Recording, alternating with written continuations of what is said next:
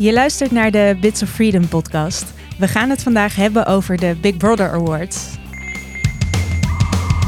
Geen datalekken, achterbakse tracking, geen bizarre wetten, gewoon geen wereldvreemde shit voor het wereldwijde web. Wil jij weten wat er speelt rondom het internet? Dit is Bits of Freedom. Het is tijd voor prijzen, awards, beloningen.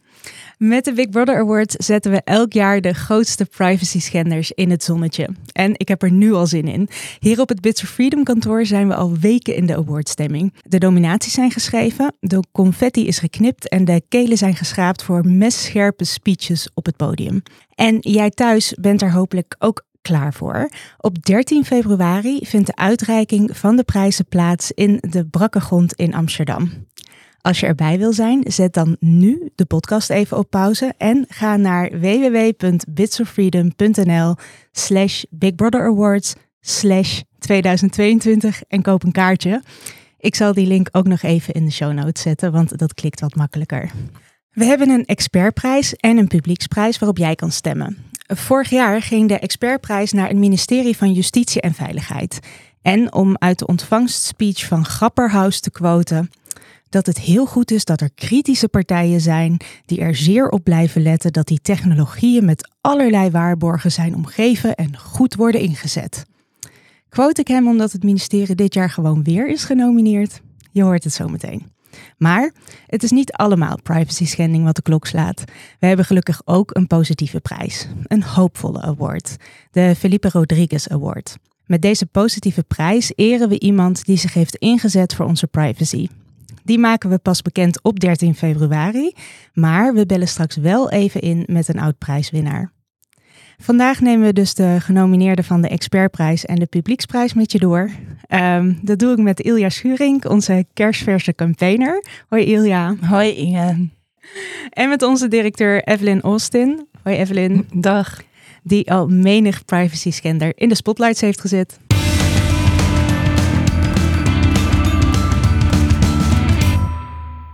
Zometeen neem ik met Evelyn alle genomineerden door. Ehm, maar eerst, Ilja, het internet de afgelopen twee weken. Heb jij je een beetje vermaakt? Uh, vermaakt, zeker. Um, ook uh, een beetje een gekke ervaring gehad. Vertel. um, ik ben namelijk door, door mijn algoritme op mijn sociale media heel, heel onzeker gemaakt. Wat dan? Nou, um, ik was vorige week aan het eten met mijn vriend en mijn zusje. En wij zaten op onze telefoon op Instagram. En uh, uh, mijn zusje die klikte op dat um, uh, zoekicoontje, waardoor je dus voorgestelde ja, pagina's ja. krijgt. En zij keek daarop en zij had daar allemaal doodnormale dingen die ze daar zag. En mijn vriend ook. En ik klikte daarop.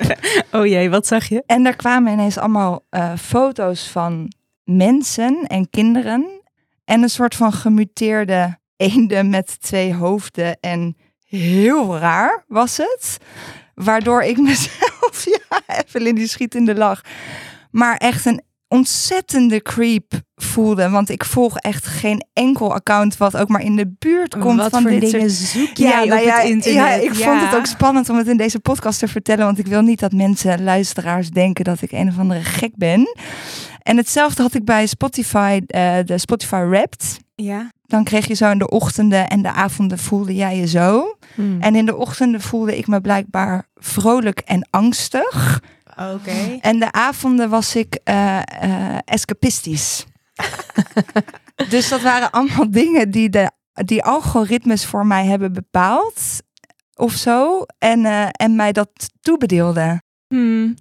Nou, ik zie aan je dat je er een beetje um, een soort van beduust van bent. Maar volgens mij kunnen we er misschien ook wel uit concluderen dat algoritmes ons gewoon helemaal niet zo goed kennen. Nee. dat ja. we er helemaal niet zo op moeten vertrouwen dat onze online identiteit dezelfde Daar dan is. Maar, ja. Dus misschien is Precies. het wel een heel positief Hopelijk. Iets. En ik heb heel erg mijn best gedaan om die algoritmes uh, te proberen te beïnvloeden. Dus ik ben ontzettend veel receptenpagina's, kunstpagina's en dergelijke gaan volgen in de hoop dat de volgende keer als ik op dat icoontje klik, daar uh, uh, een wat normaler iets uitkomt. En ik moet denk ik alleen maar eh, ABBA of vrolijke muziek gaan luisteren om mijn volgende Spotify raps eh, ook een beetje uit die donkerte te halen. Ja, nou dat Eh. lijkt me een heel goed, eh, goed voornemen voor dit nieuwe jaar.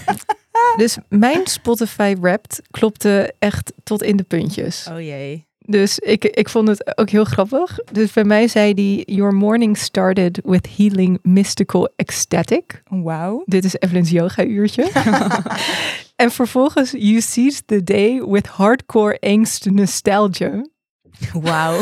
Wauw. dit klinkt zo Evelyn ten top. Wat doe jij dit op is, dat dit is dat werken, in het, werken bij een digitale rechtenorganisatie, Ja. dacht ik toen ik dat las. Eh, dankjewel voor het delen, Ilja. En ik hoop eh, op een eh, beter algoritme dit jaar. Ik ook, dankjewel. Ja, de Big Brother Awards. Zometeen uitgebreid aandacht voor de nominaties. Dit jaar zijn dat nominaties voor zowel de expertprijs als de publieksprijs. Dus dat zijn dezelfde nominaties. Ilja, mensen kunnen nog stemmen voor de publieksprijs. Kun jij uitleggen hoe dat in zijn werk gaat? Zeker. Je hoeft alleen maar te surfen naar onze website. Ehm, dat is bitsoffreedom.nl slash Big Brother Awards slash 2022. Kijk in de show notes. Ja, kijk in de show notes. Ehm, en daar kun je eh, kaartjes kopen eh, en stemmen. Mhm. Kaartjes verkopen gaat via de website van de Brakke Grond. Maar je kunt gewoon naar de website die ik net noemde eh toesurfen. En dan word je doorgeleid naar de juiste plek. En dan kan je dus mede bepalen wie de publieksprijs wint voor de grootste privacy schender van het jaar. Dat klopt. Laten we snel doorgaan eh, met die nominaties. Want er zijn er vier. En eh, ze hebben flink wat fout gedaan. Laten we beginnen. Mag ik tromgeroffel? Evelyn, verlos ons. Wie is de genomineerde nummer 1?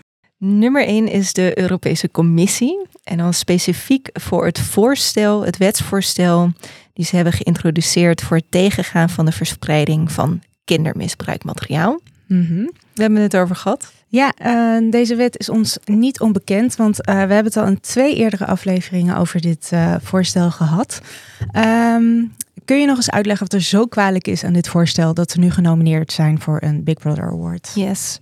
Ja, dus met het voorstel ehm, eh, gaat de overheid platformen zoals WhatsApp en Signal ehm, verplichten om alle berichtjes van al hun gebruikers mee te lezen. In de hoop dat ze daarmee kindermisbruikmateriaal vinden en kunnen eh, verwijderen.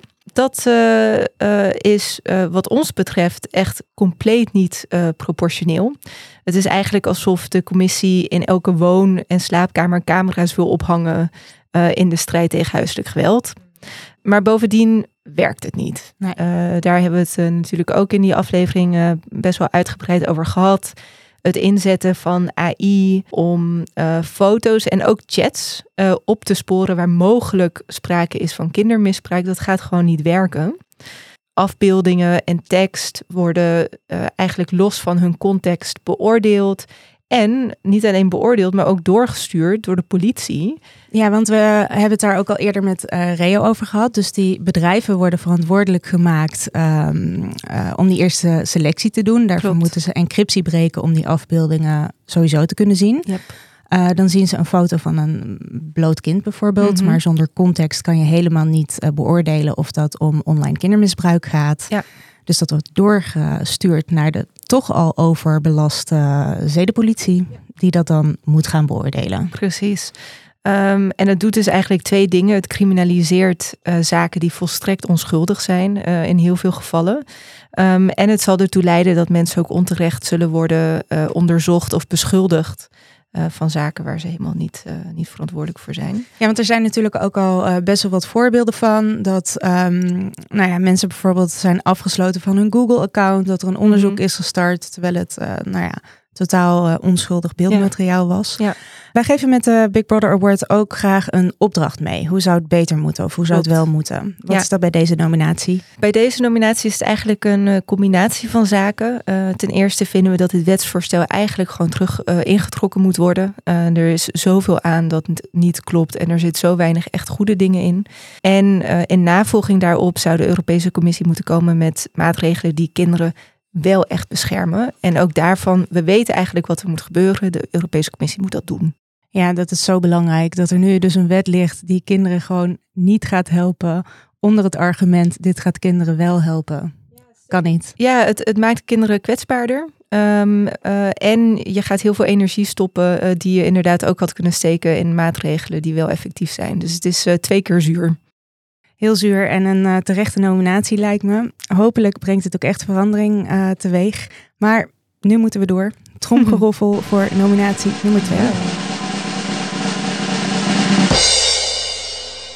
Nominatie nummer twee is Gemeente Amsterdam. En wel voor het Top 400 programma.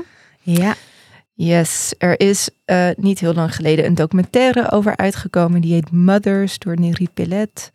Uh, de Top 400 is een programma waarmee uh, gemeente Amsterdam wilde voorkomen dat jongeren um, in de zware criminaliteit terechtkomen. En dat doen ze door jongeren te selecteren op basis van een heel setje rare criteria, waarmee ze dus bepalen hoe groot zij denken dat de kans is dat die jongeren crimineel gedrag zullen gaan vertonen ergens in de toekomst.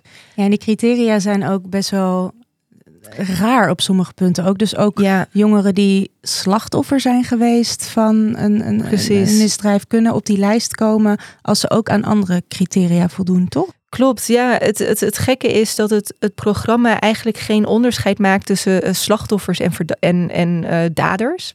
Uh, dus als je slachtoffer bent geweest, verdachte bent geweest, getuige van iets bent geweest, zijn allemaal redenen om jou te selecteren voor dat programma. en, het, en er zijn nog een heel aantal andere criteria die eigenlijk heel weinig uh, te maken hebben met zoiets als crimineel gedrag.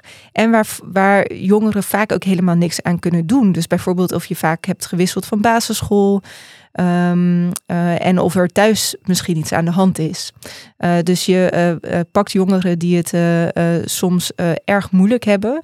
En je drukt ze nog even verder in de prut. Want je zegt, weet je wat, het maakt mij niet uit dat jij het moeilijk hebt. wij denken dat jij misschien ergens in de toekomst crimineel gedrag gaat vertonen. En dat is hoe wij jou nu gaan behandelen. Ja, en de gemeente die presenteert het dan ook nog met een soort van sausje van hulpverlening. Klopt. Maar het is vooral heel erg in de gaten gehouden worden, toch? Precies, ja. Dus je wordt twee jaar lang gevolgd door een regisseur, noemen ze dat. En inderdaad, één uh, hele um, uh, heel kwalijk aspect van dit programma is dat de politie en sociale dienstverlening compleet in elkaar overloopt. dus gegevens worden uitgewisseld tussen de GGD, jeugdbescherming, de politie, vaak ook je school. Echt verschrikkelijk. Ja, ja. Um, uh, inderdaad. uh, dus de opdracht uh, aan de gemeente Amsterdam is ook meerledig. Namelijk, er moet überhaupt gestopt worden met het betrekken van politie en andere opsporingsautoriteiten bij de sociale dienstverlening en zorgverlening. de Amsterdam moet stoppen met het Top 400 programma uh, totdat ze kunnen, uh, zeg maar actief kunnen laten zien dat mensenrechten daarin um, uh, beschermd worden. Want er zijn heel veel hele terechte zorgen over het recht op gelijke behandeling, privacy, rechtsbescherming, nou noem maar op. En tot slot moet, nou, dit programma is natuurlijk niet het enige van dit soort programma's die de politie heeft lopen, waarvoor ze ook, um, nou ja, dan zogenaamde predictive tools voor in zitten zetten. Uh, dus wij vinden dat de gemeente moet stoppen uh, met dit specifieke algoritme, heet ProKid Plus. Uh, maar ook met andere vergelijkbare predictive policing algoritmen, want ze hebben allemaal dezelfde problemen. Ze maken dus kans op de publieksprijs en de expertprijs. wie weet winnen ze, maar laten we hopen dat ze deze nominatie al ter harte nemen om hiermee te stoppen en deze verbeterpunten door te voeren. We moeten door. De twee laatste genomineerden zijn twee oude bekenden van dit uh, prijzenfestijn. En deze komende vind ik wel echt om je kapot te schamen. Mag ik tromgeroffel? Nominatie nummer drie. De minister van Justitie en Veiligheid voor het legaliseren van de surveillancepraktijken van de NCTV. Ja, de prijswinnaar van vorig jaar, nota bene. Is dat waarom je hem zo schandalig vindt? Nou ja, ik vind het uh, schandalig omdat ze vorig jaar hebben gewonnen. Mm. Maar ik vind het ook schandalig omdat Grapperhaus dus zei dat hij het allemaal prachtig vindt wat te doen. Dat hij graag uh, nou ja, ons als Mm. waakhond heeft en Ja. eh, de, de kritische blik, bla bla bla. Maar ze hebben zich er dus gewoon geen klap van aangetrokken. Klopt, klopt. Ehm Grapperhaus was destijds eh, minister van Justitie en Veiligheid en heeft toen dit eh, voorstel eh, geïntroduceerd. Onze huidige minister van JV, Jesselgus Segerius, die, ehm, nou, die zet de strijd gewoon gepassioneerd verder en trekt zich opnieuw niks aan van de kritiek. Zowel niet uit het maatschappelijk middenveld, maar ook uit de Kamer niet. Ja, want wat staat er ook alweer in het voorstel dat we zo kwalijk vinden? Ja, dus misschien een, een, een, korte recap. Ehm, in 2021, begin 2021, eh, onthulde eh, NRC dat eh, de NCTV al erg lang burgers op sociale media in het geniep in de gaten hield. Nou, dat mogen ze helemaal niet doen. De Nationaal Coördinator Terrorismebestrijding en Veiligheid is een coördinator en niet een inlichtingendienst. Daar hebben we er al genoeg van. Um, in plaats van de NCTV op de vingers te tikken, heeft de destijdse minister van Justitie en Veiligheid gezegd: um, Ik kom met een voorstel waarmee uh, de illegale praktijk wordt gelegitimeerd. Daar waren wij niet zo over te spreken. Ten overmaat van ramp uh, werd het voorstel gepubliceerd ter consultatie en had je een weekje om te reageren in Ja. plaats van de gebruikelijke vier à zes weken. Uh, dus het was ook een, uh, nou destijds voelde dat wel echt als een dikke middelvinger naar het maatschappelijk middenveld. Of voor hetzelfde geld, weet je, naar de politie of bedrijven die dit moeten gaan zitten, nou ja, noem maar op, naar, de, naar de samenleving. Waarom wij dat, uh, die nieuwe inlichtingentaken bij de NCTV zo uh, kwalijk vinden. Um, ten eerste gewoon omdat wij simpelweg, omdat we vinden dat uh, er geen massasurveillance in de samenleving moet zijn en zo ook niet op het internet. Maar wat daarnaast ook heel pijnlijk is, is dat de rechten van burgers worden weggeschreven onder het, on, onder het mom van nationale veiligheid. Mm-hmm. Want die is natuurlijk in het gedrang. Dat is ook zo'n soort van uh, joker die, uh, uh, die vaak gespeeld wordt. Maar de gespecialiseerde toezichthouders in dat domein, dus de CTIVD en de tip die toezicht houden op dat inlichtingenveld, die, die spelen hier helemaal geen rol. Dus ze willen wel alle lusten die je krijgt als je inlichtingendienst bent, zonder, zonder de lasten. Nou, en de lasten zijn nou net de waarborgen uh, en de bescherming van burgers. Wat extra zuur is, omdat het. Het is niet het ministerie van Veiligheid, maar het is het ministerie van Justitie en Veiligheid. en verdorie, de rechtsbescherming zit er ook bij. Nou, dat was natuurlijk ook vorig jaar een onderdeel van de nominatie ja, voor Grapperhaus. Vorig jaar um, was inderdaad de prijs voor maar liefst uh, vijf oh, enorme blunders uh, ja. die er op dat ministerie uh, werden gemaakt. Dus ik zou ook eigenlijk even de podcast van vorig jaar nog willen tippen. Die is te luisteren online. Um, ik zal de link in de show notes zetten. En daarin nou ja, wordt zowel um, deze reden toegelicht, maar ook nog eigenlijk allerlei andere misstanden waarom die prijs destijds is uitgereikt. Ja. Wat hadden wij gehoopt dat deze nieuwe minister beter had gedaan? We hadden gehoopt dat de minister de nieuwe bevoegdheid die aan de NCTV wordt toegekend uh, uit de wet had geschreven. En dat ze het wetsvoorstel had aangegrepen om die coördinatierol van de NCTV te verduidelijken. Want daar is ook binnen dat inlichtingen- en veiligheidsdomein behoefte aan. Dus zowel aan die coördinerende rol, maar ook aan een heldere afbakening van die rol. Ja, nou laten we hopen dat uh, nu een specifieke prijs op dit onderwerp uh, het laatste helpt, zetje, het laatste zetje geeft om het uh, goed te doen. We gaan door. Last but not least, een genomineerde nummer 4. Nou, dit vind ik dan wel echt de uh, oudste bekende Zeker van weten. de Big Brother Awards. Het is helaas uh, opnieuw de minister van Binnenlandse Zaken. Die is genomineerd voor, uh, voor een prijs. En volgens mij ook niet voor het eerst om deze reden. winnaar in 2015 voor zijn plannen voor de meest vergaande afluisterwet voor de geheime diensten die Nederland ooit heeft gehad en zijn gebrek aan luisteren naar kritiek hierop. Ja. Toen volgens mij 2017 is het kabinet nog genomineerd voor dezelfde wet. Er is in ieder geval is het al vaak langsgekomen dat dit iets is wat we Mm. echt niet moeten willen. Vertel. Ja, we zijn, eh, ehm, dat is dan misschien eh, het, eh, het, het lichtpuntje. We zijn wel drie ministers verder. Dus het was Plasterk aan het begin van dit debakel in 2015. eh Ollongren eh, die het van hem heeft overgenomen in volgens mij 2018.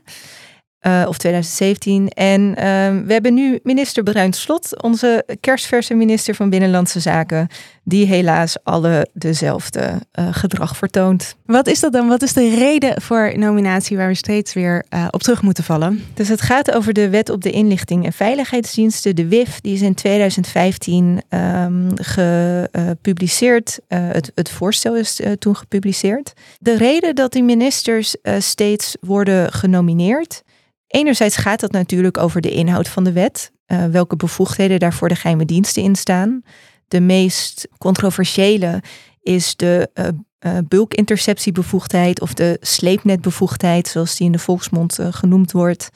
Maar daarnaast, ehm, en, en dat zijn eigenlijk de, de reden geweest voor de daaropvolgende nominaties en ook weer voor deze, is het feit dat die minister weigert te luisteren naar geluiden uit de samenleving hierover. En eigenlijk ook sinds de introductie van deze wet in 2017 toestaat dat het toezicht op de geheime diensten stukje bij beetje wordt afgebrokkeld.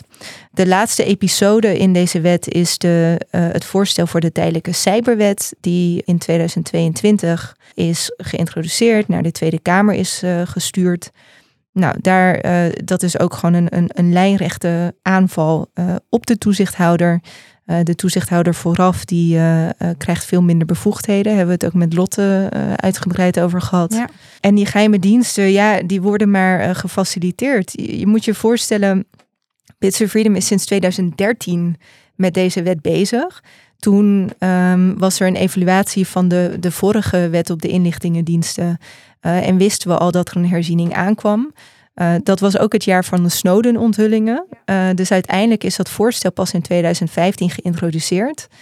In 2018 hebben we een referendum gehad. Burgers vonden dus na een discussie van bijna drie jaar dat er nog steeds niet voldoende naar ze was geluisterd. Dus ze hebben nee gezegd. Dus ze hebben nee wet. gezegd. Ja, er is tegen de wet gestemd.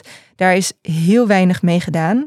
En sinds 2018, dat is dus gewoon eigenlijk al vijf jaar, zijn, staan de geheime diensten gewoon doorlopend aan die poort te rammelen Ja. voor meer bevoegdheden en minder toezicht. Het is echt schandalig. ja, want een van de manieren waarop die sleepwet, toen we nee hebben gezegd, Mm. er wel in is gekomen, is met het argument van toezicht vooraf. Ja, Toch? extra waarborgen. En dat is nu wat er hoep eh, weer uitgekieperd gaat Ja, worden in de precies. cyberwet. Precies.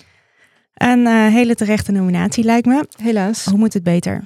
Nou, dus dit, dit is een iets eh, ingewikkelder eh, ehm, dan, ehm, eh, dan de andere, om, omdat dit, nou ja, we hadden het er net al over, het is al erg lang bezig. We hebben nu niet alleen een wet die in de afgelopen jaren al één keer gewijzigd is, maar we hebben ook een tijdelijke regeling die een aanvulling is op de wet, een nieuw tijdelijk wetsvoorstel, een aankondiging dat dat tijdelijke wetsvoorstel ook gewijzigd gaat worden en een grote wijziging van de originele wet. Dus wat doe je dan nog? En dit is, dit is ook onderdeel van een probleem. Hè? Je ziet op een gegeven moment door de bossen de bomen niet meer. eh, de- Andersom. door de bomen het bos niet meer. Ja. Klinkt logischer. Eh, je hoort, ik raak er helemaal van van slag. Kun je je voorstellen hoe dit voor Kamerleden is die zich op dagelijkse basis met heel veel verschillende onderwerpen bezig moeten houden? Het is compleet onoverzichtelijk geworden. Dus wat wij vinden, er moet weer orde op zaken eh, worden gesteld. Ehm, dus de bespreking van de tijdelijke cyberwet moet eh, gestopt worden. In ieder geval totdat de aangekondigde wijziging van die tijdelijke aanvulling op de wet er is. Ehm, maar beter nog eh, totdat de wijziging van de WIF er zelf is. Ehm, want dan kunnen we weer een beetje het overzicht krijgen en kan de Tweede Kamer en kan de samenleving beslissen: dit is waar we staan, waar willen we naartoe? En op, een, op dit moment is dat gewoon onmogelijk. Nou, laten we daarop hopen dat het overzicht er in ieder geval komt. En eh, dat ze wat eh, betere beslissingen nemen over eh, wat er wel en niet mag. Met een sleepwet uit, sleepnet uitgooien over je burgers. Dankjewel. Ilja, even nog terug. Want dit zijn dus nominaties voor zowel de expertprijs als de publieksprijs. Ja. Wie gaat uh, beslissen wie de expertprijs wint? Dat zijn onze bestuursleden, een aantal in ieder geval. Begin januari hebben zij samen gezeten uh, en de expertprijs al weggegeven. Ja, dat weet die, de genomineerde weet dat nog niet. Maar er ligt ergens een gouden envelopje. Er ligt een gouden envelop klaar voor de expertprijs. En de publieksprijs, daar mag nog voor gestemd worden. Dus uh, uh, ik hoop dat alle luisteraars na het horen van Leg dit nog verhaal... één keer uit hoe we dat doen, want ik weet zeker dat iedereen zit te springen. Ja, ja ik ook, moet ik zeggen. um, dat kan uh, op onze website uh, bitsoffreedom.nl slash Big Brother Awards slash, uh, slash 2022. Um, en via daar kun je ook je kaartjes kopen om op 13 februari erbij te zijn als deze boeven podium opgeroepen gaan worden. In de Oh brakke oh grond. jee. Ehm, ik, ik vind zelf, ik, ik werk nu acht jaar eh, bij Bits of Freedom. Ik vind die awardshows altijd echt zo leuk. Ja. Ik vind het altijd heerlijk om ons werk echt samen te zien komen eh, op het podium.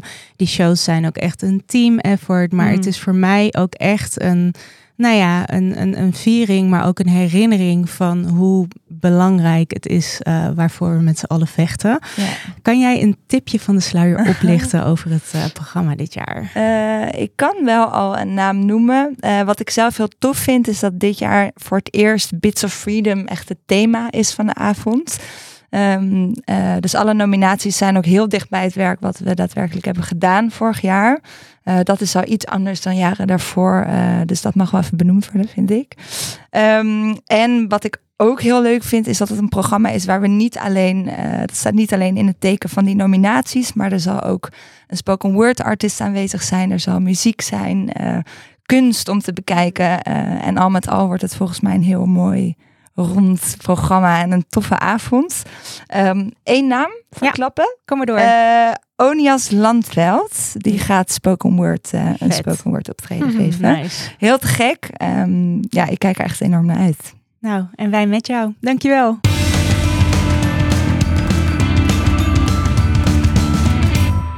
We sluiten de podcast elke week af met een telefoontje naar iemand met een bijzondere kijk op het internet. Deze week bellen we met de winnaar van de Felipe Rodriguez Award in 2019, Marleen Sticker. Zij stond in 1993 aan de wieg van het internet en is altijd een voorvechter geweest van het open en vrije medium. Ze was bedenker van de digitale stad en leverde een grote bijdrage aan het ontstaan van Access for All. Ze richtte onderzoeksinstituut De Waag op en is lid van het bestuur van de nieuwe coalitie Public Spaces, dat zich richt op het voorstellen van een nieuw internet. Dat niet gaat om politieke controle, maar om een nieuwe publieke ruimte. Ik ga haar bellen. Hallo? Hoi Marleen, met Inge van Bits of Freedom. Fijn dat ja. we even kunnen bellen. Hoe gaat het? Ja, prima, heel goed. Ja, zeker. Mooi. We hebben korte tijd, dus uh, zullen we gewoon beginnen. Ja hoor. Jij won in uh, 2019 uh, de Philippe Rodriguez Award. Maar jij kende Philippe ook zelf. Zou je willen vertellen wie hij was en waarom hij zo belangrijk was voor het internet in Nederland? Ja, dat was heel bijzonder om een prijs te krijgen die naar Philippe is vernoemd. En het is echt zonde dat hij er niet meer is, want het was een zeer gearticuleerd, zeer uh, goed doordacht had hij visie op het internet en op de ontwikkeling daarvan. Mm-hmm. Ook de politieke kant daarvan.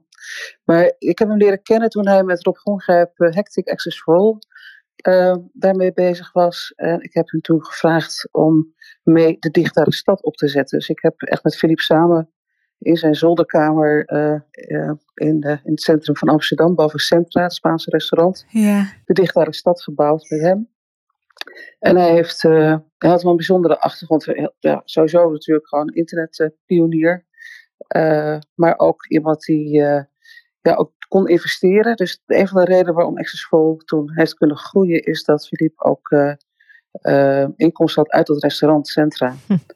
Het is een hele bijzondere combinatie van factoren eigenlijk geweest in die tijd. Ik vind dat altijd zo'n bijzonder verhaal. Uh, op, op die zolderkamer boven dat restaurant. Um, het, het, spreekt in ieder geval heel erg tot de verbeelding. Ja, ontzettend zonde dat, uh, dat hij er niet meer is. Ja, Philippe heeft heel veel dingen opgezet. Hè? Dus uh, het, het, meldpunt kinderporno. Hij is ook natuurlijk een van de grondleggers van, van Bits of Freedom.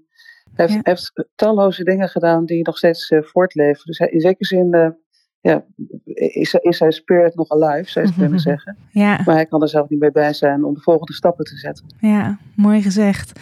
Hey, en jij bent zelf ook al jaren natuurlijk voorvechter van een uh, open en, uh, en vrij internet. Niet voor niets won je die prijs uh, natuurlijk. Je bent nu onder andere bestuurslid van Public Spaces. Kan je vertellen wat dat precies is, wat jullie doen? Nou, kijk, rondom dat, dat open en vrije internet zijn natuurlijk heel veel dingen misgegaan. Hmm. En een van de belangrijke dingen is dat het eigenlijk, zoals wij ermee begonnen met digitale stad, was het een publiek domein. En in die beginperiode werd het ook nog zo gezien. Dus het, werd, was niet gezien alleen maar als een commerciële omgeving.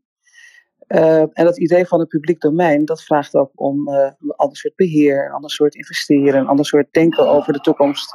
Mhm. Dus vandaar dat we dus uh, daarom hebben nagedacht over hoe kun je dat weer terugkrijgen. En dat is een samenwerking geworden van een boel culturele instellingen, omroepen, maar ook inmiddels sluiten daar ook overheden en onderwijsinstellingen bij aan. Hmm. Public Spaces is een coalitie om het, ja, de publieke waarde in dat digitale domein terug te krijgen. En dat is ook heel concreet. Dus elkaar helpen om bijvoorbeeld uh, verkeerd soort statistiek uh, uit je website te halen. Of de Facebook pixel uit je website te halen. Dus het is hele, hele concrete stappen die we met elkaar kunnen zetten. Bijvoorbeeld dat je, je hele, al je internetactiviteiten door een spoelkeuken heen haalt en kijkt waar de zwakke punten zitten. Mhm. Het is ook met elkaar uh, samenwerken om weer te investeren in toepassingen die we graag willen hebben. Ja, zo belangrijk. En ook zo ontzettend vet dat steeds meer um, organisaties daar dus ook het belang uh, van zien om zich daarbij uh, aan te sluiten. Hoe denk je dat dat komt? Nou ja, het is echt zo verschrikkelijk fout gelopen. ik, wil, ik, ik werd eigenlijk zo laat, zo verschrikkelijk laat. En zoveel mensen zijn zo naïef geweest. En Ja. zijn in zee, hebben de hele onderwijssector is in zee gegaan met, uh, met big tech. En bij de hele culturele sector is in zee gegaan met de Google Analytics en de Facebooks en de Instagrams. Dus ja, het is, het is wel eens tijd dat het een keer uh, gebeurt. Hè? Dus wat dat betreft uh, ben ik uh, eigenlijk over de afgelopen 30 jaar tamelijk teleurgesteld. Maar er is wel echt een keerpunt. En ik denk dat dat komt door deels doordat we natuurlijk zien wat de effecten daarvan zijn. Ja. Politiek, macropolitiek, persoonlijk. Mm. Maar ook omdat er flinke kracht nu is vanuit de politiek om de regels weer op te stellen en te zeggen van hier moet je je aan houden. En wat ik denk dat iedereen ook voelt, van, van Big Tech gaat het niet komen wat we nodig hebben. Dus we moeten een coalitie vormen om uh, te investeren of aandacht te geven aan dat wat we wel willen. Mm. Uh, Mastodon is een heel mooi voorbeeld hoe nu ja, toch mensen collectief zeggen: oké, okay, we gaan dus nu die gedistribueerde versie van sociale media gebruiken. En dan moeten we weer even wat leren daarvoor. Maar daarna hebben we ook veel meer vrijheid en hebben we veel meer regie op, eigen, op onze eigen media weer inrichten. Dus het is ook heel praktisch met elkaar zorgen dat je de juiste bewegingen maakt, elkaar daarin steunt. Maar ja, volgens mij voelt iedereen wel aan zijn water dat het niet meer verder kan. Als we naar Twitter kijken, zie je de extreme ja. variant daarvan. En um, een van de dingen die ik heel tof vind aan public spaces is dat uh, de organisaties die daarbij aangesloten zijn, samen een enorm publiek en een enorm bereik hebben. En dat is natuurlijk een van de manieren waarop we een, beetje gegijzeld worden door die platforms. Met, met de, de belofte dat. Uh, of, of eigenlijk de waarschuwing, jullie hebben ons nodig om, om mensen te bereiken. Um, is dat ook een, uh, een uitgangspunt uh, bij public spaces geweest dat je juist op zoek bent gegaan naar hey, wat zijn nou eigenlijk al die andere organisaties die ook gewoon een eigen publiek hebben? Ja, dat ongemak zat natuurlijk bij iedereen afzonderlijk wel. Niet iedereen was mm. ervan bewust. Hè? Dus het is ook altijd een vraag binnen een organisatie. Je hebt directie, CEO's en, en, en snappen die dat er iets aan de hand is. Maar uh, mensen die de systemen beheren, die, die de, de, web, de doen, mm. die voelen natuurlijk ook van, er iets klopt iets niet. Maar voordat je mensen in beweging brengt, um, ja, moet je iets van een collectiviteit hebben. En ik denk dat je, het is absoluut waar, dat de, de, de, deze coalitie heeft zoveel uh, ja, deelnemers, bezoekers, mm. uh, kijkers, uh, dat als je de, dit goed in de goede richting krijgt, en bovendien is het grotendeels ook gemaakt gebruik van publieke middelen. Ja. He, dus omroepen, overheid zelf, onderwijs, cultuursector, niet de hele cultuursector, er zit ook heel veel eigen geld van mensen in overigens, Mm. wordt vaak vergeten. Maar uh, ja, dan zou je kunnen zeggen, publiek geld betekent ook publieke waarde. Mm. Dus het is een combinatie van zorgen dat je in lijn blijft met waar die financiering voor is bedoeld, uh, in lijn blijft met je eigen missie en waarde en een groot publiek. Je ziet het overigens ook bij de People versus Big Tech, dat is een Europese beweging. Ja, die, er zijn ook heel veel organisaties die uit het meer het mensenrechtendomein komen, uit sociale bewegingen komen. En die voelen ook allemaal van we moeten dit anders maken. Dat is ook zo'n 170 miljoen vertegenwoordigd mensen vertegenwoordigt die coalitie. Mm. En heeft daardoor veel meer impact op binnen Europa. Ja. En het samenwerken op die thema's, ja, dat is echt nodig. Want die big tech die lobbyt zich helemaal suf. Ja. Dus je moet echt daar iets tegenover zetten. En nou, gelukkig hebben wij dan in Nederland Bits of Freedom, die zich verbindt ook met, eh, met die andere organisaties. En het is ongelooflijk belangrijk dat culturele organisaties, maatschappelijke organisaties, zich aan die, groot, aan die zaak zich verbinden. En het in de praktijk gaan brengen. Ja, ik vind het echt ontzettend vet dat, eh, dat dit soort samenwerkingen nu ook aangewakkerd worden. En, en dat er ook echt daadwerkelijk iets, eh, iets lijkt te veranderen. Het is, je merkt wel, eh, alleen al bijvoorbeeld Google Analytics uit je website halen, Ja. is enorm problematisch. Omdat al die organisaties eh, wordt gevraagd om heel veel gedetailleerde informatie te geven Ja. over hun bereik en bezoek. En Mm. voordat je eh, dat eruit hebt, moet je door de hele organisatie heen. Dus het, is, het, het lijkt heel eenvoudig van, hey, je, je, we kunnen zeggen, gebruik Signal in plaats van WhatsApp. Eh, geen Facebook meer, geen Mm. Instagram. En hoe bereiken ze dan hun publiek? Ja. Dus ik zie je ook, ook echt als een transitieperiode waarin je in kaart brengt waar je staat. Dat je vervolgens eh, ambities formuleert van wat kan ik zelf veranderen? Wat is laaghangend fruit? En wat moet je met elkaar doen? En sommige dingen, hè, je kan an- eh, voor eh, analytics kan je inderdaad iets anders gebruiken. Maar dan moet je wel ook zelf genoegen nemen met minder data van je, van je bezoekers en gebruikers. Dus dat zijn ook mentale veranderingen die ook in dat maatschappelijke publieke domein moeten plaatsvinden. En dat is, dat is, daarom is het echt een transitie en niet eventjes alleen maar een, tech- een technologische oplossing. Mm. Maar ook, en we moeten echt gaan investeren. Eh, het- bijvoorbeeld in hoe we digitale identiteit, hoe we regie op eigen data kunnen houden. Al dat soort vraagstukken zijn het blokstukken. Hoe, hoe, waar waar eh, bestellen we nou onze tickets? Bij wat voor websites zijn dat? Mm. Dat wil, dat wil je liever niet, maar iedereen gebruikt dat nu. Transacties, hoe, hoe maak je geld over?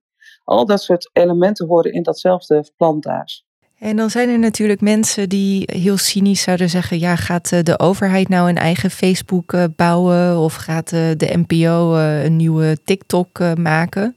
Ehm, die dus eigenlijk de, de, ja, de weg vooruit niet zien of de, of de oplossingen niet zien of, of daar weer het negatieve van benadrukken. Dat kom jij vast ook, ook tegen. Wat, wat zeg jij tegen deze mensen? Wat, wat, wat, wat het is. grote misvatting is dat we alleen maar staat of bedrijfsleven hebben. Dat het of big tech is of Mm. big overheid. Hm. We hebben ook nog precies als een samenleving die... eh, kijk, als je nu kijkt waar Mastodon vandaan komt, dat is niet big tech, dat is ook niet overheid. Dus het is gewoon ondernemerschap uit het maatschappelijke domein. Mm. En eh, dat zijn nu wat, 8000 instanties die Mastodon draaien. Eh, natuurlijk, dus de, de verandering hoeft niet per se, en het hoeft ook niet per se in eigenaarschap van de overheid te komen. Wat je wel wil, eh, ik bedoel, net zoals het nu fossiele brandstoffen eh, subsidieert vanuit onze publieke middelen, vanuit onze belastinggeld, wil je dat men eh, Mm. het een veilig digitaal domein eh, haalt het geld daar weg, stop Ja. het in een veilig digitaal domein. Dus een overheid heeft, een reden, heeft, heeft absoluut een verantwoordelijkheid. Dat staat ook zo in, in de grondwet voor veilig digitaal, eh, publiek domein. Mm. Nou, dat digitale domein hoort daarbij. En, ehm, en je kan ook best goede combinaties vinden. Dat kennen we ook met Linux en Red Hat, het voorbeeld. Hè, dat je iets open source, open Mhm. technologie hebt. En tegelijkertijd er een, een ring van bedrijven omheen services kunnen verlenen. Dus we weten best hoe dat moet. Het is helemaal niet zo ingewikkeld. Het is dus absoluut niet de bedoeling dat we een Chinese TikTok, eh, een, een Nederlandse versie van de Chinese TikTok gaan hebben. Bij de overheid moet zijn geld niet alleen maar aan zichzelf besteden of aan subsidies aan bedrijfsleven, maar investeren in maatschappelijke toepassingen van digitale eh, eh, publieke waarden. Ik kijk er heel erg naar uit, eh, deze transitie. In ieder geval heel erg bedankt dat, eh, dat jij je hier eh, al zo lang en zo intensief eh, voor inzet. Dat is nu ook wel leuk, omdat er wat aan het veranderen is. Ja. In plaats van alleen maar steeds te waarschuwen. Ja. En eh, ik kan je nu weer met elkaar bouwen. En er komt een grote Public Spaces conferentie aan binnenkort in, in, in het eh, nieuwe jaar, in 2023, Ja, tof. in juni. Dus dat kunnen we ook in de gaten houden. Dat wordt wel een mooie bijeenkomst heel erg bedankt eh, dat we even met je eh, konden bellen. En heel veel succes met je belangrijke werk. Ja, en succes ook weer bij de Big Brother Award en de Felipe Rodriguez Award, die net zo belangrijk is. Mhm, zeker, dankjewel. Doei. Doeg. Dankjewel.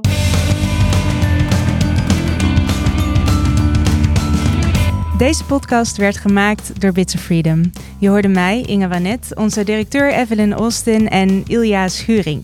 We belden in met Marleen Sticker. Onze jingle werd gemaakt door Tim Koelhoorn en de podcast werd geproduceerd en geëdit door Randal Pelen van YOLO Media. Veel dank aan onze donateurs en natuurlijk aan jou, de luisteraar. En natuurlijk zien we je op 13 februari in de Brakkergrond in Amsterdam. Geen datalekken, achterbakse tracking, geen bizarre wetten, gewoon geen wereldvreemde shit voor het wereldwijde web. Wil jij weten wat er speelt rondom het internet? Dit is Bits of Freedom.